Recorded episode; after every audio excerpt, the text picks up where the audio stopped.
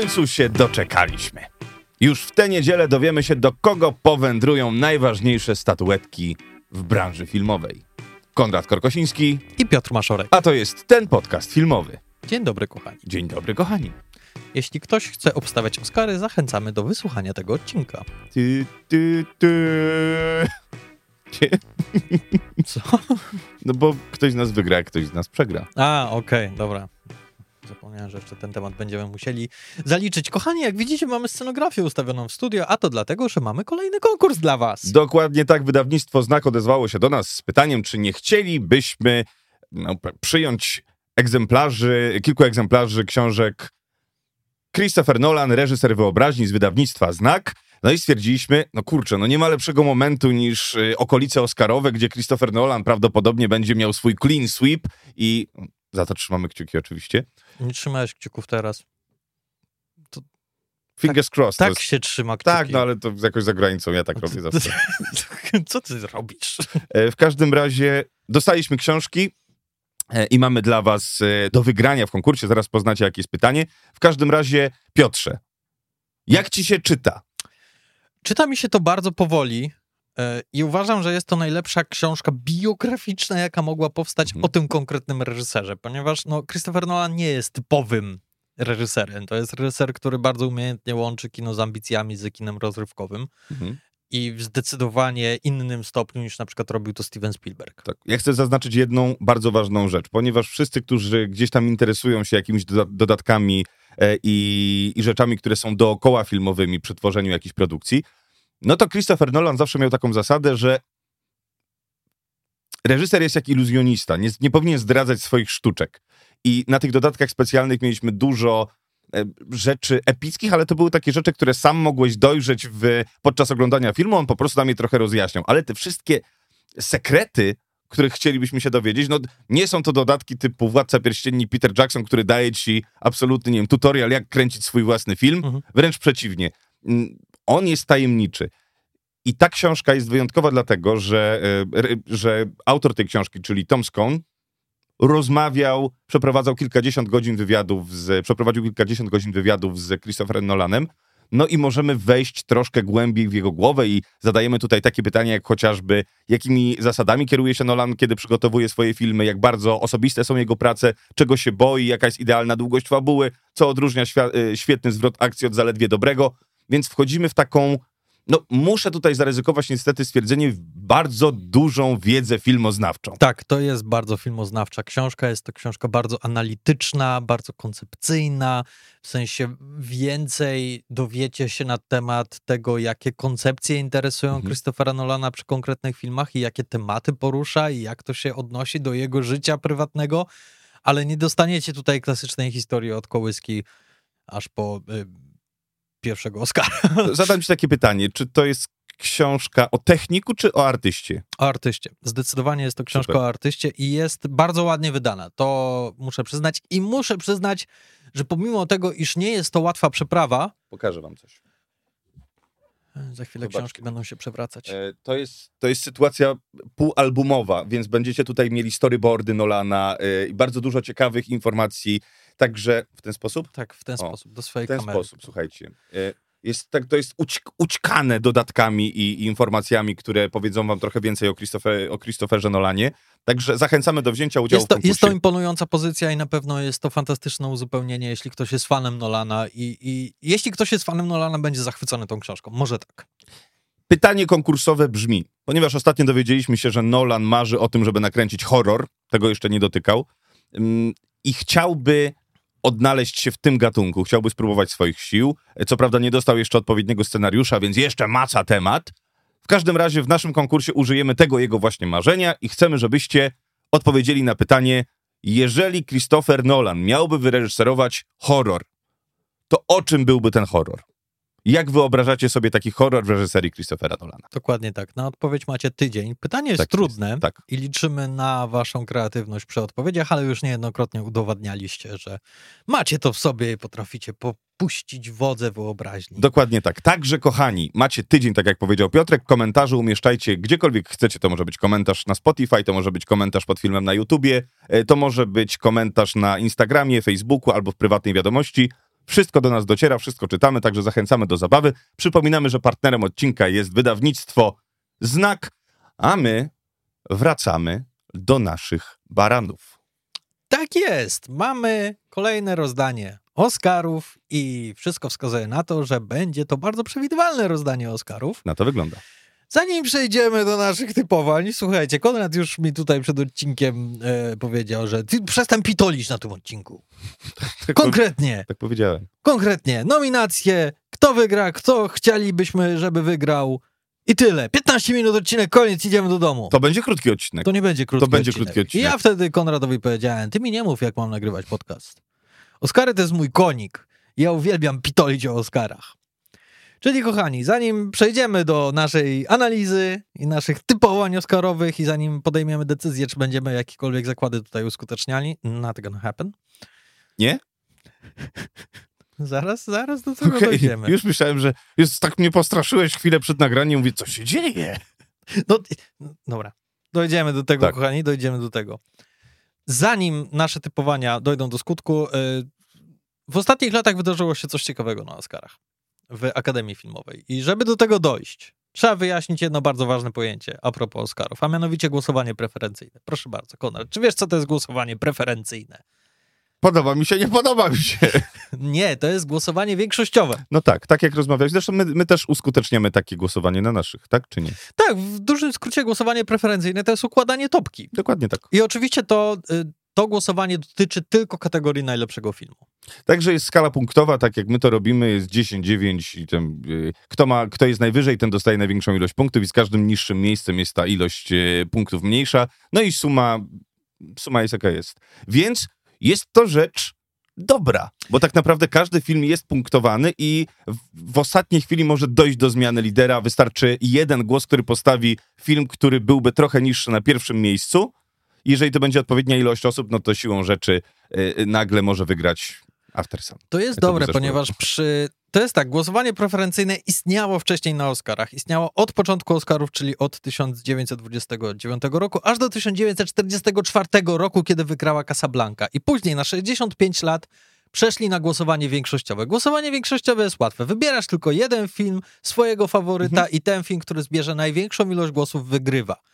Ale głosowanie preferencyjne jest nieco bardziej sprawiedliwe, ponieważ żeby wygrać to głosowanie musisz mieć 50% głosów plus jeden.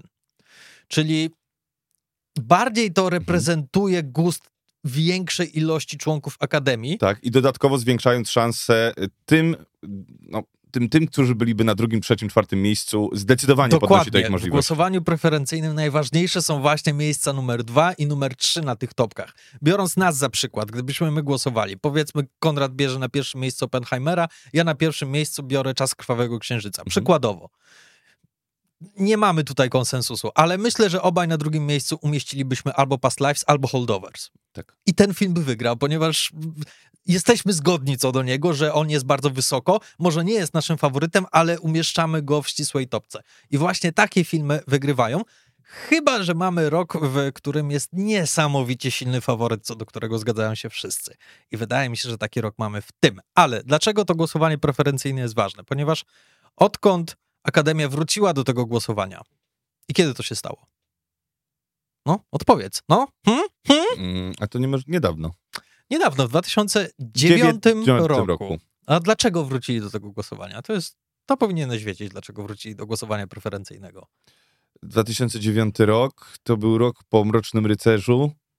Mroczny, Mroczny Rycerz, pewnie mrocz, że Mroczny Rycerz by wygrał, bo się wszystkim tak bardzo podobał. Mroczny Rycerz nie był nawet nominowany w kategorii Tak, to- najlepszy film, ani najlepsza reżyseria i wszyscy wzięli widły, ja uwielbiam to powiedzenie, i ruszyli na Akademię i powiedzieli, co wy robicie?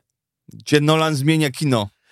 Dokładnie. I Akademia wtedy stwierdziła, o, faktycznie chyba musimy coś zmienić. W związku z tym wrócili do głosowania preferencyjnego, aby umożliwić właśnie takim filmom jak Mroczny Rycerz dostać się do tego prestiżowego grona filmów nominowanych do Oscarów. I kiedy wprowadzili to głosowanie preferencyjne, coś się zmieniło. I niektórzy twierdzą, że od tamtej pory Akademia stała się bardziej taka mm, dyplomatyczna, w sensie, że Mhm. rozrzucają te Oscary pomiędzy bardzo dużą ilość filmów. Sprawdziłem to.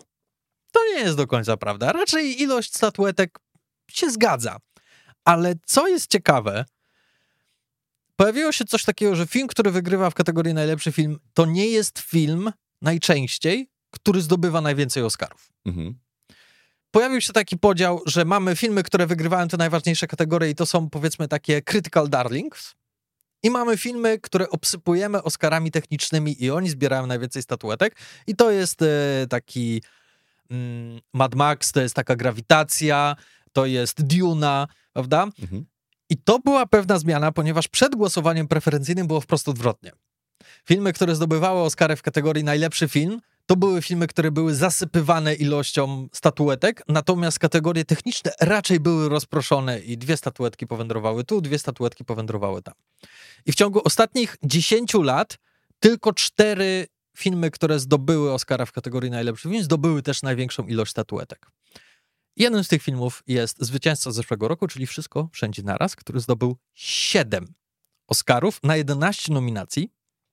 I co jest ciekawe, to jest rekord w głosowaniu preferencyjnym. Żaden inny film od 2009 roku nie zdobył 7 Oscarów w głosowaniu preferencyjnym. I dlaczego to jest ważne? Ponieważ w tym roku najprawdopodobniej ten rekord, ten rekord zostanie pobity. Co jest jeszcze ważne, co jest jeszcze ważne? E, wiemy, że cały wyścig Oscarowy to jest e, cały sezon, w którym te wszystkie gildie przyznają swoje nagrody. I ostatnią sytuacją, w której jakiś film zdobywa absolutnie wszystkie te nagrody, czyli te najważniejsze: Gildia reżyserów, producentów, BAFTA, Globy oraz Critics' Choice. I później zdobywa Oscara. Ostatni raz taka sytuacja wydarzyła się w 2014 roku, 10 lat temu, i to był film Argo. Argo, fuck yourself. Argo, fuck yourself. Od tamtej pory ci, którzy wygrywali Oscary, zawsze im czegoś brakowało. Na przykład w zeszłym roku y, Wszystko Wszędzie Naraz nie zdobyło Złotego Globa za najlepszą komedię, ani nie zdobyło Bafty. Mhm. Pamiętasz, kto zdobył? Kto zdobył Globa za komedię i BAFTA, jaki film nagrodziła? Mm, uno momento. To jest bardzo, bardzo łatwe, jak sobie przypomnisz, jaki był największy konkurent dla Wszystko Wszędzie Naraz. Z komedii? Tak. I to była rzeczywiście komedia? Czy nie, to nie była komedia? E, powiem tak, to jest jedyny film zeszłorocznego rozdania, który dostał się do tych nagród filmowych. I który był bardzo wysoko w rankingu, w głosowaniu naszych słuchaczy. Jezus, nie pamiętam. Duchy i Nisherin. O, hmm. słusznie. Tak.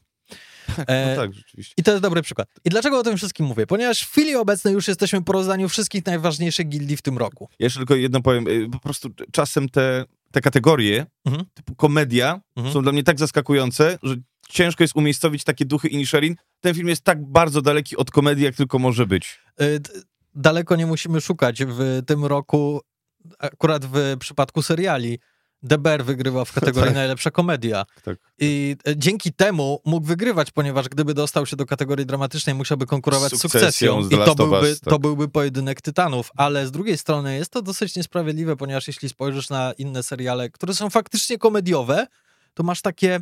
Ja bym na miejscu tych twórców, tych seriali, takich jak e, Misja Podstawówka albo właśnie e, Zbrodnie po sąsiedzku, ja bym był wściekły. Mhm, ponieważ no to jest tak, takie, no. że dlaczego oni wygrywają? Oni nie robią komedii. My robimy komedię. Oni robią serial dramatyczny, który ma poczucie humoru w sobie.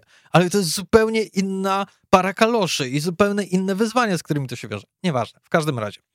W tym roku po raz pierwszy od 2014 roku mamy sytuację, w której mamy clean sweep we wszystkich e, wcześniejszych nagrodach. To znaczy Gildia Aktorów, Gildia Reżyserów, Gildia Producentów, BAFTA oraz Critics' Choice Awards wszystkie nagrodziły w głównych kategoriach film Christophera Nolana, Oppenheimer.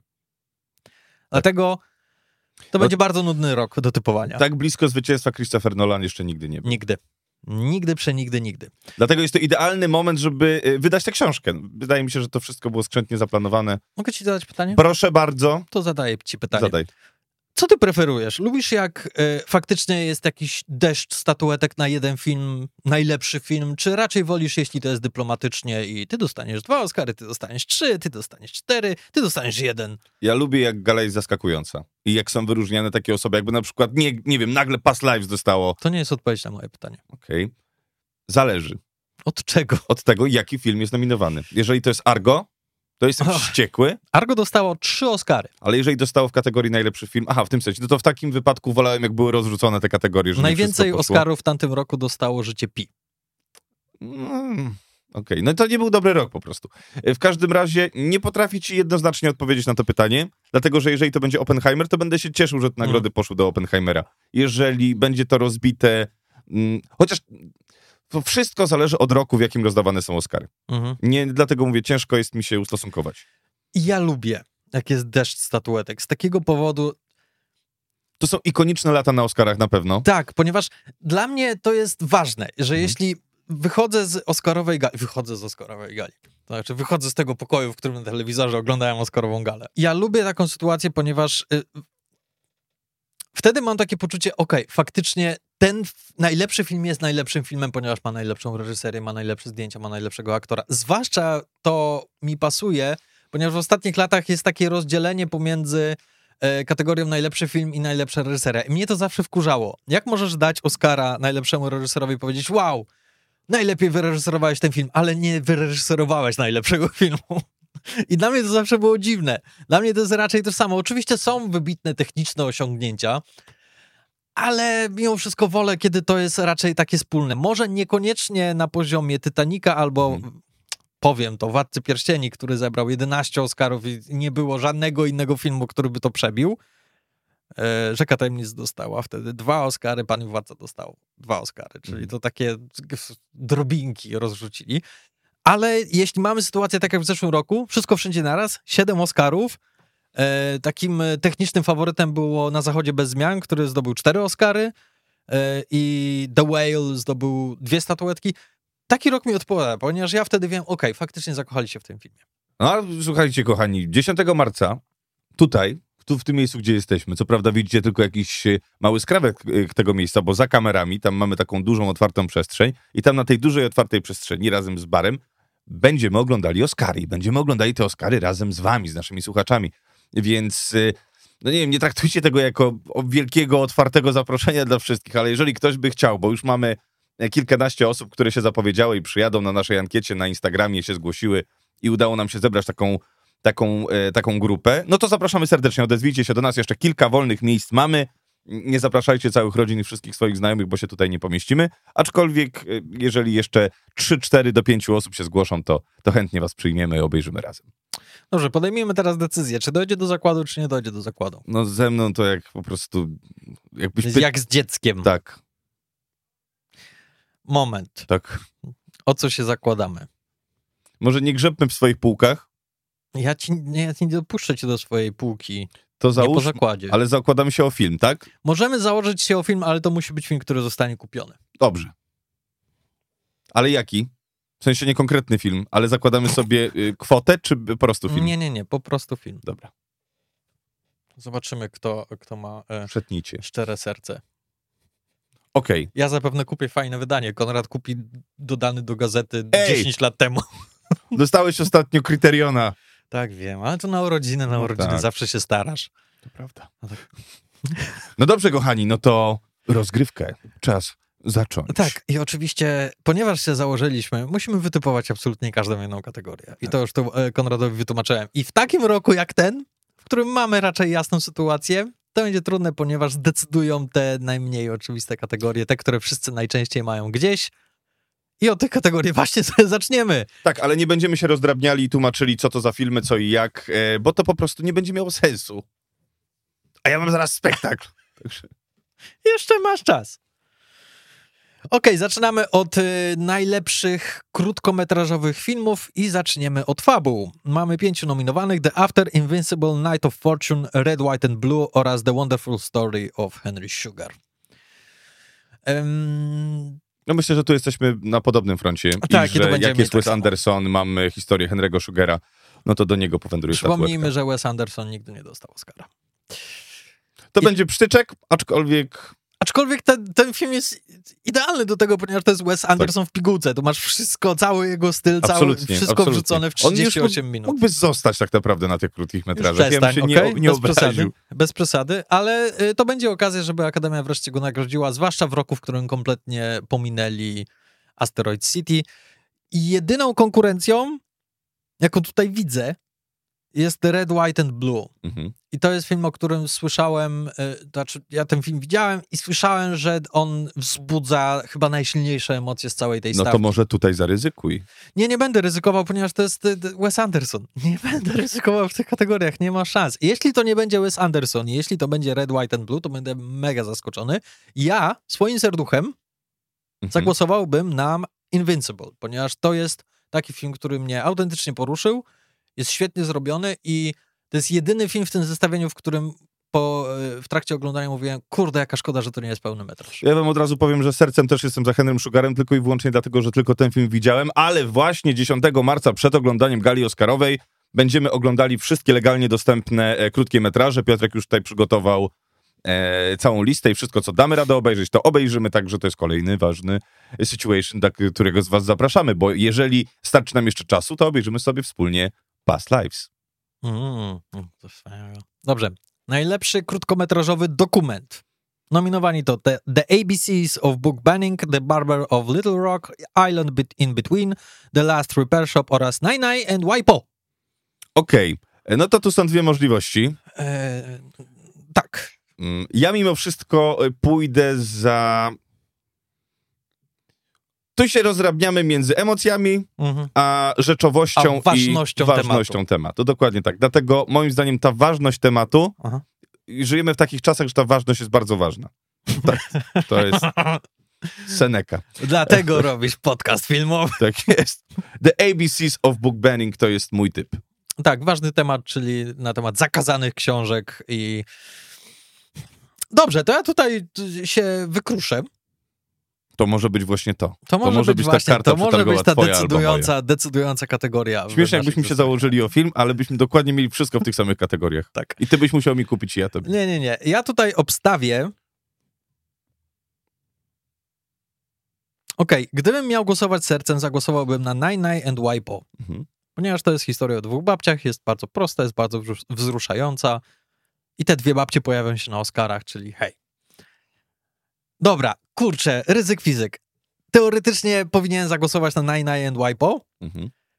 ale zagłosuję i sercem, i rozumem na The Last Repair Shop, ponieważ według mnie to jest najlepsza krótkometrażówka z tego całego zestawienia. Naprawdę rewelacyjnie zrealizowany film, pięknie nakręcony i, i wzruszający też bardzo. No dobrze. Jestem, jestem ciekaw, ale pewnie przegram. Najlepszy krótkometrażowy film animowany. Konrad, coś dla ciebie, List do świni. 1905 Senses, Our Uniform, Pachyderme oraz The War is Over, inspired by the music of John and Yoko. Tak jak powiedziałem przed chwilą, liczą się ważne tematy, y, bieżące tematy. Jeżeli Oscary też mogą być jakimś sta- statementem, no to głosuję na War is Over, Music of Joe and Yoko. Ja sercem zagłosowałbym na 95 zmysłów, ponieważ najbardziej mi się ta animacja podobała. Jest najbardziej różnorodna formalnie, ponieważ y, to jest historia dziadka, który opowiada historię swojego życia przez pryzmat pięciu zmysłów. I przy każdym zmyśle jest inny styl animacji i niesamowicie mi się to podobało i bardzo mi się ta, ta według mnie jest to najlepsza krótkometrażówka, ale tutaj się z tobą zgodzę. E, War is Over. Po pierwsze, no mamy muzykę e, Nieżyjącego Johna Lennona. Beatlesa, tak. E, Po drugie, e, scenariusz napisał syn Lennona. Po trzecie, za tą animację odpowiada Weta Digital. Jakże mógłbym tu inaczej zareagować i są podziękowania dla Petera Jacksona w tej animacji. Jednocześnie jest to najbardziej taka pixarowska animacja ze wszystkich nominowanych i styl animacji jest śliczny, ponieważ to jest styl e, klausowy, Mhm. czyli mam animację 3D, z- połączenie animacji 3D z tym takim rysowaniem. E, Bardzo popularna metoda. Dobra, War is over. Tak. War is over. No dobra, to teraz przejdźmy do filmów, o, Czyli o w tych których wiemy, krótkometrażówkach różnimy się tylko w jednej kategorii. Tak jest. Ale to już może być, wiesz, To to, może jest być to. karta przetargowa, tak? Dobrze, kochani, teraz przechodzimy do filmów, o których wiemy już trochę więcej. E, najlepszy film międzynarodowy. The Teacher's Lunch z Niemiec. Ja. Io Capitano, czy tam Io Capitano. Io Capitano? Io Capitano. Io Capitano Si. z Włoch. Si, Perfect si. Days z Japonii. Hej. Society of the Snow z Hiszpanii oraz The Zone of Interest z Wielkiej Brytanii. Na mnie patrzysz? Tak na ciebie patrzę. ja się zastanawiam tutaj nad dwoma tytułami, bo Okej. w wyścigu mamy Anatomy of a Fall e, i Zone of Interest. Nie masz Anatomy of a Fall Y, w tej kategorii. Zone of Interest i Society of the Snow, ale mój E, no, strefa interesów to jest mój typ. U mnie tak samo. E, wydaje mi się, że nic z tego nie przebije. Co więcej, niektórzy obserwatorzy wyścigu mówią, że strefa interesów teraz bardzo duży hype ma. I być może jakby ten wyścig potrwał jeszcze miesiąc dłużej, to kto wie, czy strefa interesów nie byłaby poważnym zagrożeniem dla Oppenheimera. Tak, nie wiem, dlaczego powiedziałem anatomię the przez, przez język po prostu, ale nie ma go tutaj dziwna, dziwna Nie ma, ponieważ nie został zgłoszony jako reprezentant Francji. I było sporo kontrowersji mhm. dookoła tego. W każdym razie na pewno Francja sobie pluje w brodę, że go nie zgłosili, ponieważ wtedy mielibyśmy naprawdę interesujący pojedynek. Tak, strefa interesów tutaj zdecydowanie myślę, że to jest faworyt i, i, i nie będzie inaczej. Film dokumentalny, pełnometrażowy Bobby Wine, The People's President, The Eternal Memory, Four Daughters, To Kill a Tiger oraz 20 Days in Mariupol. Tak. Ja obstawiam 20 Days in Mariupol. Ja dokładnie tak samo. Oczywiście jest to ważny temat. I... Nie ma tu szans, żeby było inaczej. W sensie byłbym bardzo zaskoczony. Znaczy szanse zawsze są. Eh. No dobrze, najlepsza piosenka. Mamy Fire Inside z tego filmu o Cheetosach. Mhm. E, z Barbie mamy I'm Just Can't oraz What Was I Made For. Następnie mamy It Never Went Away American Symphony oraz Wazazi. Wazazi. Wazazi. Tak to leci. Tak leci, to prawda. Z czasu krwawego No to nie dostanie. Nie, no oczywiście rozegra się to pomiędzy dwiema piosenkami z Barbie. Barbie. Pytanie jakie? I'm Just Ken. Na to był największy hype, najwięcej się działo. Obstawiasz I'm Just Ken? Obstawiam I'm Just Ken. Obstawiam na to, że będzie po prostu... To jest ta piosenka, która sprawiła najwięcej przyjemności wszystkim, więc to jest mój typ. I'm Just Ken. Naprawdę, nie what I was Słuchajcie, y, ja, ja się z tobą całkowicie zgadzam, no. ale ja już popełniłem raz ten błąd, no. że nie doceniłem Billie Eilish. I gorzko się na tym przejechałem, dlatego nie popełniam tego błędu. To okay. będzie What Was I Made For. To będzie I'm Just Ken. Uuu, emocje! Fakt, że I'm Just Ken to jest piosenka, która e, pełni większą funkcję w filmie niż What Was I Made For. Mm. Aczkolwiek ona też w tym filmie się pojawia nie na napisach końcowych, ale w bardzo ważnym e, krytycznym, Żeby nie było, ja uwielbiam piosenkę. Dużo bardziej wolę piosenkę Billie Eilish od I'm Just Ken, I... ale po prostu wiem, że I'm Just Ken wygra. Ja wolę I'm Just Ken, ale głosuję na Billie Eilish, ponieważ nie popełnię dwa razy tego samego błędu. To jeżeli możemy sercem, to ja sercem jestem za Billie Eilish, ale rozum mi mówi, że to będzie... Ja zupełnie odwrotnie. Okej. Okay. okay. E, najlepsza muzyka. American Fiction, Indiana Jones i Artefakt Przeznaczenia, Czas Krwawego Księżyca, Oppenheimer, nie wiem dlaczego tak to powiedziałem, oraz Biedne Istoty. Może dlatego, że powinni go nominować w komedii. E, dobrze, no moim zdaniem to będzie Oppenheimer. Tak, to będzie Oppenheimer. E, to jest e, przepotężna ścieżka. Powiem wprost, że sercem zagłosowałbym na Biedne Istoty, ponieważ to jest tak dziwaczna i odważna ścieżka, która naprawdę robi gigantyczną robotę w tym filmie. I bardzo często cały emocjonalny ciężar, który ma być przekazany widzowi, spoczywa na barkach muzyki. I to jest to. Ale Oppenheimer to też jest troszkę nagroda za największą ilość muzyki w filmie, mhm. ponieważ ta muzyka jest non-stop słyszalna przez cały czas trwania seansu i, i, nawet niektórzy mieli co do tego zarzut przy premierze Oppenheimera. Tak, tak, tak, to może być męczące, ale z drugiej strony to, jest, to taktowanie e, Goransonowskie jest tutaj bardzo silnym elementem tego filmu. Więc no, Oppenheimer, no, to musi się tak skończyć. Okej, okay. najlepsze efekty specjalne, to jest ciekawa kategoria. Tak, no i tutaj myślę, że wyścig się będzie toczył między The Creator i Godzilla Minus One. Mamy mhm. jeszcze Strażników Galaktyki, Mission Impossible, Death Reckoning Part One i Napoleona. No Napoleon jest tutaj... Nie, właśnie ja myślę, że Napoleon jest czarnym koniem. Co ty gadasz? Naprawdę, ponieważ hmm. nikt się nie spodziewał tej nominacji i faktycznie mogą Mogą okay. widzieć w tym filmie coś, czego my nie widzimy. Okay. Ale myślę, że masz rację, dwóch faworytów to jest The Creator oraz Godzilla Minus One, co mnie bardzo cieszy. Tak, mnie się wydaje, że Godzilla Minus One, okej, okay, był ogromny hype swojego czasu na Godzilla, mhm. tylko że ja się obawiam, mhm. że członkowie Akademii mhm. dużo, mogło, dużo osób mogło nie widzieć Godzilli. Że jednak The Creator, mimo że to jest film zrobiony tanim kosztem, mhm. że to jest ten film, który może mieć większe. No tym bardziej, że nagrody się rozkładają porówno mniej więcej dla tych dwóch e, produkcji y, do, dotychczasowe i zastanawiam się, na co bardziej postawią.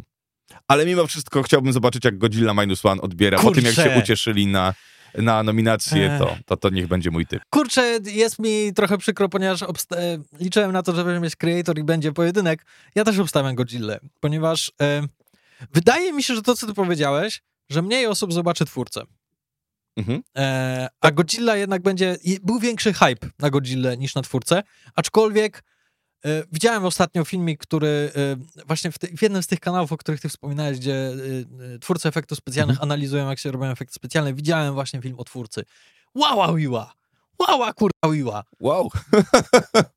Naprawdę, jestem pod wielkim wrażeniem, jak to zrobili i mam nadzieję, że to będzie mała rewolucja w świecie efektów specjalnych w Hollywood, ale Godzilla to będzie też nagroda dla tego filmu. Mhm.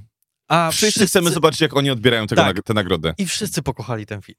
I myślę, że w Hollywood tak samo będą chcieli to uznać. I oni też zrobili swoje, aby zmienić troszkę ten cały system postprodukcyjny przy tak dużych widowiskach. I oni ostatnio też wrzucili filmik na YouTubie, sprawdźcie sobie, w którym mówią, co zrobiliśmy inaczej i jak usprawniliśmy cały ten proces i dlaczego ten film kosztował tylko 10 milionów dolarów, a nie 110 y, milionów dolarów. Dlatego ja tutaj też obstawiam Godzilla Minus One. No dobrze, to w takim razie przechodzimy do dźwięku. Tak jest. The Creator, Maestro, Mission Impossible, Dead Reckoning Part 1, Oppenheimer, The Zone of Interest. Hmm? Oppenheimer. Zone of Interest. Naprawdę? Ja obstawiam Zone of Interest, aczkolwiek słusznie, słusznie panie Konradzie, Oppenheimer to jest jego największy kandydat i jeśli będą chcieli obsypać jak największą ilością statuetek Oppenheimera, to nagrodzą Oppenheimera, ale Zone of Interest, gwiazdą tego filmu jest dźwięk. I każdy to zauważa po seansie, a tak jak już wspominałem, jest coraz większy hype na ten film wśród członków Akademii i serio nie zdziwiłbym się, gdyby tutaj to poszło w stronę strefy interesów. Ja obstawiam strefę interesów i tyle. No dobrze, to w takim razie następna kategoria to make-up and hairstyling. Golda! Maestro! Oppenheimer! Poor things. Society of Snow. I otóż, proszę Państwa, ode mnie nagroda w tej kategorii wędruje do Poor Things.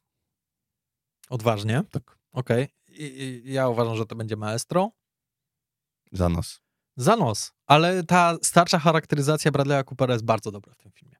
To jest jedna z najlepszych charakteryzacji od bardzo dawna, jakie widziałem tego typu. Tak.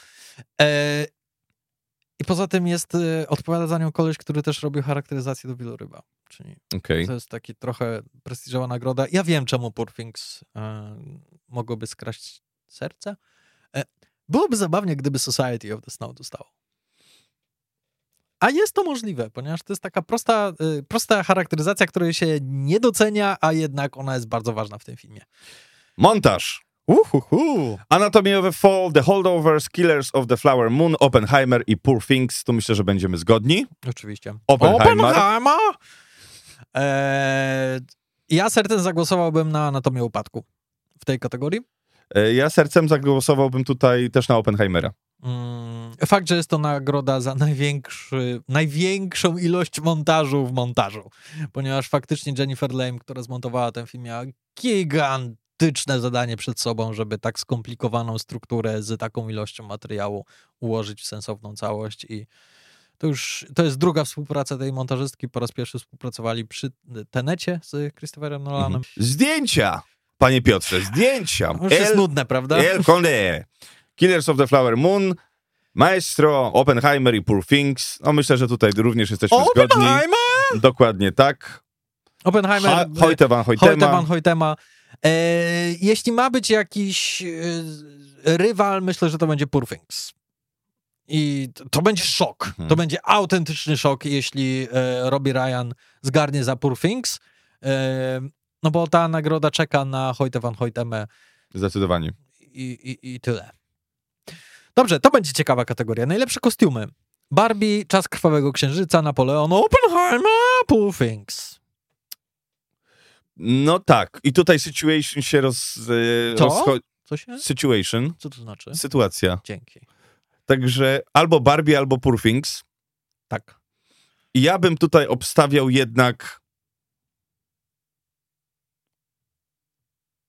Jednak Barbie. Hmm. Ja też obstawiam Barbie. Chociaż sercem będę za Poor Things. Ja też i uważam, że tam są lepsze kostiumy, aczkolwiek no nie wypuszczą Barbie tylko z jedną statuetką. I gdzieś tą nagrodę jeszcze Barbie dostanie. Ja, wydaje mi się, że tutaj tutaj to będzie ważne, aczkolwiek y, kostiumy w Poor Things stanowiły większe wyzwanie, ponieważ y, niektórzy zarzucają Barbie, że ej, tak naprawdę bierzecie kostiumy lalki Barbie gotowe projekty i Mhm. przerabiacie je na real life, ale hej, come on. Krzywda wielka się nie stanie, jak Barbie dostanie tą To nagrodę. prawda. Najlepsza scenografia, czyli kolejny pojedynek pomiędzy Poor Things i Barbie. Mhm. Pozostali nominowani to Czas Krwawego Księżyca, Napoleon oraz Oppenheimer. Dokładnie. Ja również tutaj moją, e, moją nagrodę wręczam Barbie. Ja wręczam Poor Things. Proszę. E, Wręczam Things z jednego powodu. E, Barbie ma ten moment, w którym e, wyrywa się z tego świata Tak. niesamowitych scenografii, natomiast Things Ale dzięki temu mamy... od początku do końca siedzi w tych tak, scenografiach. ale dzięki temu mamy kontrast. I to mi się podoba w Barbie. Ty E, jesteś kontrast. Dobrze. Ode mnie Barbie, od ciebie Poor Things. To jest. Najlepszy film animowany. O! Chłopiec i czapla, e, Elemental, między tak, nami, między nami żywiołami.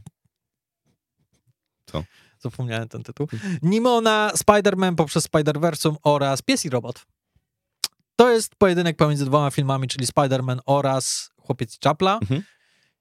I tak naprawdę do samego końca pojedynek jest bardzo, bardzo wyrównany. Tak. No to jest jednak Miyazaki. To jest Miyazaki, ale to też jest y, jedna z najlepszych animacji, jakie jakakolwiek hollywoodzka wytwórnia Kurde. wypuściła. To jest trudne.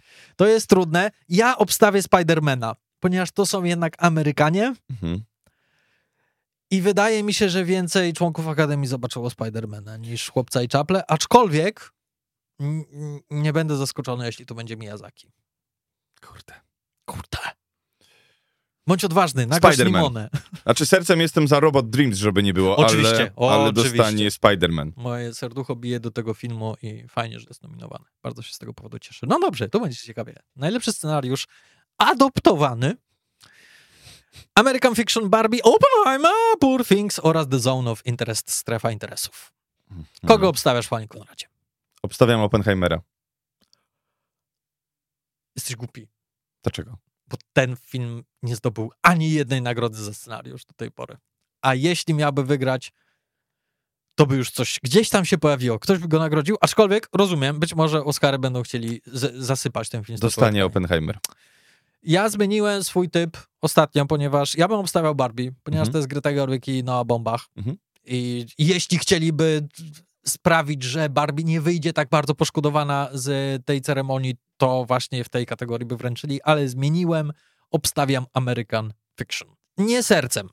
Sercem byłbym za tak naprawdę za każdym innym filmem, ale chyba sercem głosowałbym na Barbie, ale mój typ American Fiction. No dobra, widzisz? Widzę. Kto wie. Wytknę ci to, ale jesteś głupi, jak dostanie. Oppenheimer. Bo ma duże szanse. Ma dużo. Ma duże szanse. Eee, wszystkie statystyki mówią, że ma najmniejsze szanse. Szanse, szanse. Dostał 11 nagród w 11 gildiach. Ale nigdy za, za scenariusz. To scenariusz właśnie. W gildiach? Właśnie patrzę, W no. jakich gildiach? Które gildie przyznają? AFCA, BFCC, CIC, DFCA, GWN, To są YFCA. krytycy. No To tak. są nagrody krytyków. Oni też biorą udział w niektórych. Wiesz, jaki film wygrywał w nagrodach krytyków? Czas Krwawego Księżyca. To nie jest do końca to samo. Ach, nie, nie dostał tak dużo. BAFTA, Nieważne. BAFTA nie dała za scenariusz, Globy nie dały za scenariusz. Dostanie Oppenheimer. Okej. Zobaczymy. Oryginalny. Anatomia upadku, przesilenie zimowe, obsesja, maestro, przeszłe życie. No dla mnie tutaj rzecz się dzieje między Holdovers i Past Lives. Mm, E, I chciałbym, żeby i jedno i drugie dostało. mm, tak, żeby był split, to by było cudowne. W każdym razie, no muszę się na coś zdecydować. No, zdecyduj się.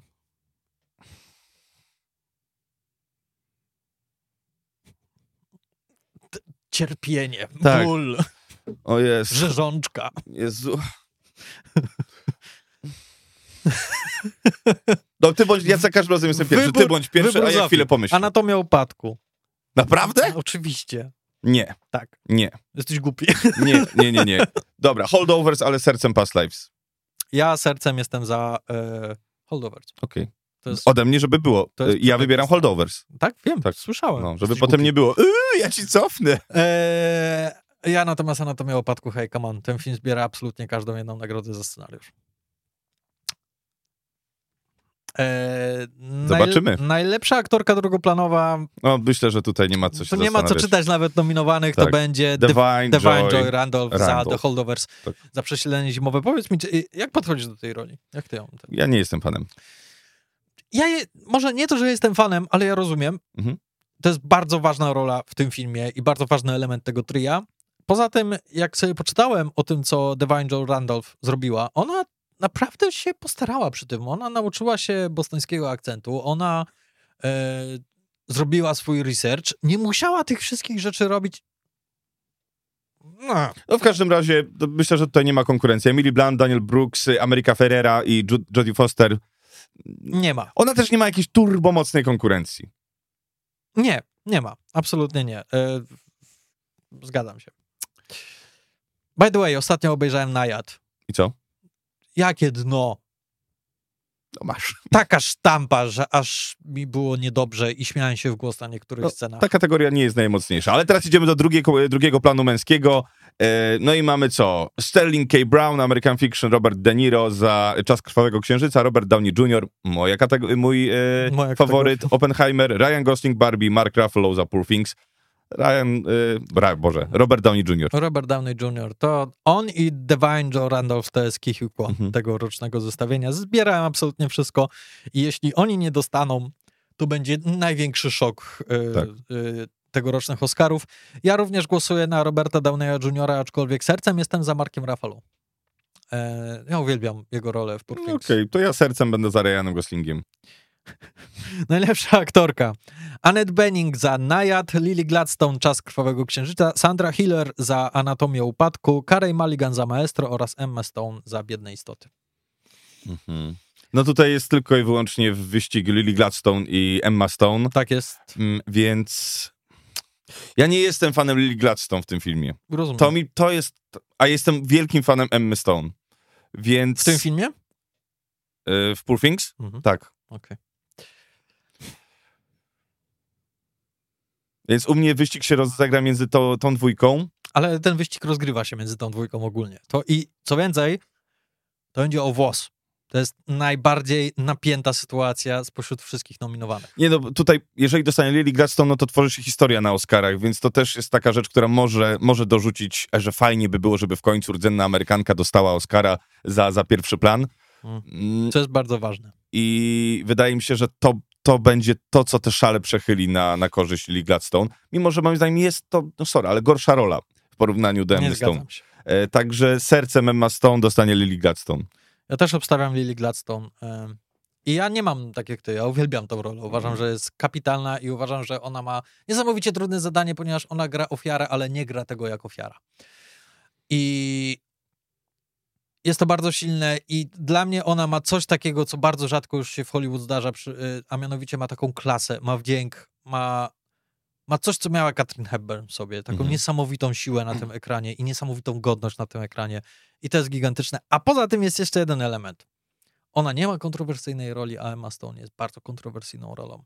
Fakt. To jest rola w filmie, który albo pokochasz, albo wyjdziesz. To fakt. E, I wiem, że sporo osób ma problem z tym, że ona gra postać e, taką, jaką gra, która jest tak bardzo seksualna Mhm. i tak bardzo odważna i jednocześnie tam jest ten fabularny myk Mhm. e, z tym. I wiem, że spora część widzów ma z tym problem. Przy Lily Gladstone tego nie ma, dlatego obstawiam Lily Gladstone. Najlepszy aktor Bradley Cooper, Maestro, Colman Domingo, Rustin, Paul Giamatti, Przesilenie Zimowe, Killian Murphy, Oppenheimer, Jeffrey Wright, American Fiction. Przez jakiś czas myśleliśmy, że jest tu pojedynek pomiędzy Giamattim i Mhm. Killianem Murphym, ale tak naprawdę tego pojedynku nie ma. To był taki krótki moment. Oczywiście Killian Murphy, Oppenheimer. Killian Murphy, Oppenheimer. Gdyby Gildia Aktorów zdobył Paul Giamatti, to wtedy faktycznie mielibyśmy pojedynek i ciężko by było stwierdzić, ale Killian Murphy zebrał większość nagród. Tak. Za, dostał Globa, dostał Baftę, dostał Gildię Aktorów, a Gildia Aktorów jest najważniejsza. I poza tym bierzmy pod uwagę, że on gra Oppenheimera w filmie Oppenheimer, który najprawdopodobniej zgarnie Oscara. Tak. No, ale serce, sercem jestem za Jamatim. Ja też. Zdecydowanie. I, I byłoby cudownie, gdyby go nagrodzili. No dobrze, najlepsza reżyseria Jonathan Glazer, The Zone of Interest, Yorgos Lantimos, Poor Things, Christopher Nolan, Oppenheimer, Martin Scorsese, Killers of the Flower Moon i Justin Triet. Scorsese. Scorsese. Scorsese. Nie, Scorsese. Scorsese? Mhm. Telma Schoonmaker tak e, poinstruowała, że tak się powinno wymawiać. Okej. Okay. Martin Scorsese. Martin Scorsese. Killers of the Flower Moon i Justin Triet za Anatomię Upadku. No, słuchajcie. Tak. This guy. Hmm, nie obstawiajcie kogokolwiek innego. To jest rok Christophera Nolana. Wreszcie się doczekał i wszystkie jakby wszystkie planety idealnie się ustawiły w konstelacji i tak, żeby te Oscary na niego spłynęły. Jeszcze za chwilę to sobie podsumujemy. Nie ma innej opcji pozostali nominowani tutaj są po prostu po to, aby patrzeć na zwycięstwo, na zwycięstwo Christophera Nolana. No i ostatnia kategoria, czyli najlepszy film. American Fiction, Anatomy of a Fall, Barbie, The Holdovers, Killers of the Flower Moon, Maestro, Oppenheimer, Past Lives, Poor Things, The Zone of Interest. To będzie Oppenheimer. To będzie Oppenheimer. E, mówię, clean sweep we wszystkich dotychczasowych nagrodach. I słuchajcie, w ciągu ostatnich 10 lat mieliśmy dwa duże zaskoczenia na Oscarach. Pamiętasz, jakie to były zaskoczenia? Jeszcze raz, bo nie słuchałem, czytałem sobie z tyłu książkę. Fantastycznie. Ciekawe zajęcie. Powtórz, Często proszę. Tak robisz? Strasznie dużo jest e, rzeczy z tyłu. W ciągu ostatnich dwóch e, dziesięciu lat mieliśmy dwa zaskoczenia. Dwóch dwa czy dziesięciu? E, dziesięciu. Tak. Mieliśmy dwa duże zaskoczenia na Oscarach w kategorii najlepszy film. Pamiętasz, jakie to były zaskoczenia? Jedno jest bardzo łatwe. Nie pamiętam. Moonlight. To jest zaskoczenie, ale mówisz o sytuacji, która się wydarzyła, że nie dostał La La Land, tylko dostał Moonlight? No to tak. było zaskoczenie, to było rozczarowanie. Przestań. Tak. To, abstrahując od tego, tak. czy lubisz Moonlight, czy nie, to było gigantyczne zaskoczenie, ponieważ La La Land zbierał każdą jedną nagrodę no, no do tej tak, pory. Tak. Natomiast drugim wielkim zaskoczeniem to był Parasite. No. Ponieważ wszyscy obstawiali 1917, ewentualnie, że może Once Upon a Time in Hollywood będzie czymś tam. Czy w związku z tym może dojść do takiego zaskoczenia w tym roku? Nie. nie. Dlaczego? nie ma żadnej negatywnej narracji dookoła Oppenheimera. Przy La La Land była negatywna narracja, ja to bardzo dobrze pamiętam. Były artykuły, które krytykowały ten film za to, że jest o białym człowieku, który wymyślił jazz, mhm. E, który uratował mhm, jazz. Mhm. Że oni tak naprawdę kiepsko śpiewają. Ja tutaj nie oceniam tego filmu, mówię jakie były wtedy artykuły. I poza tym y, La La Land też bardzo długo było tym faworytem i wszyscy trochę już się tym znudzili. To fakt. Przy, tysiąc, e, przy Parasite była bardzo podobna sytuacja. 1917 był faworytem przez długi czas, ale Parasite mimo wszystko był tam cały czas w tle i była świetnie zrobiona robota.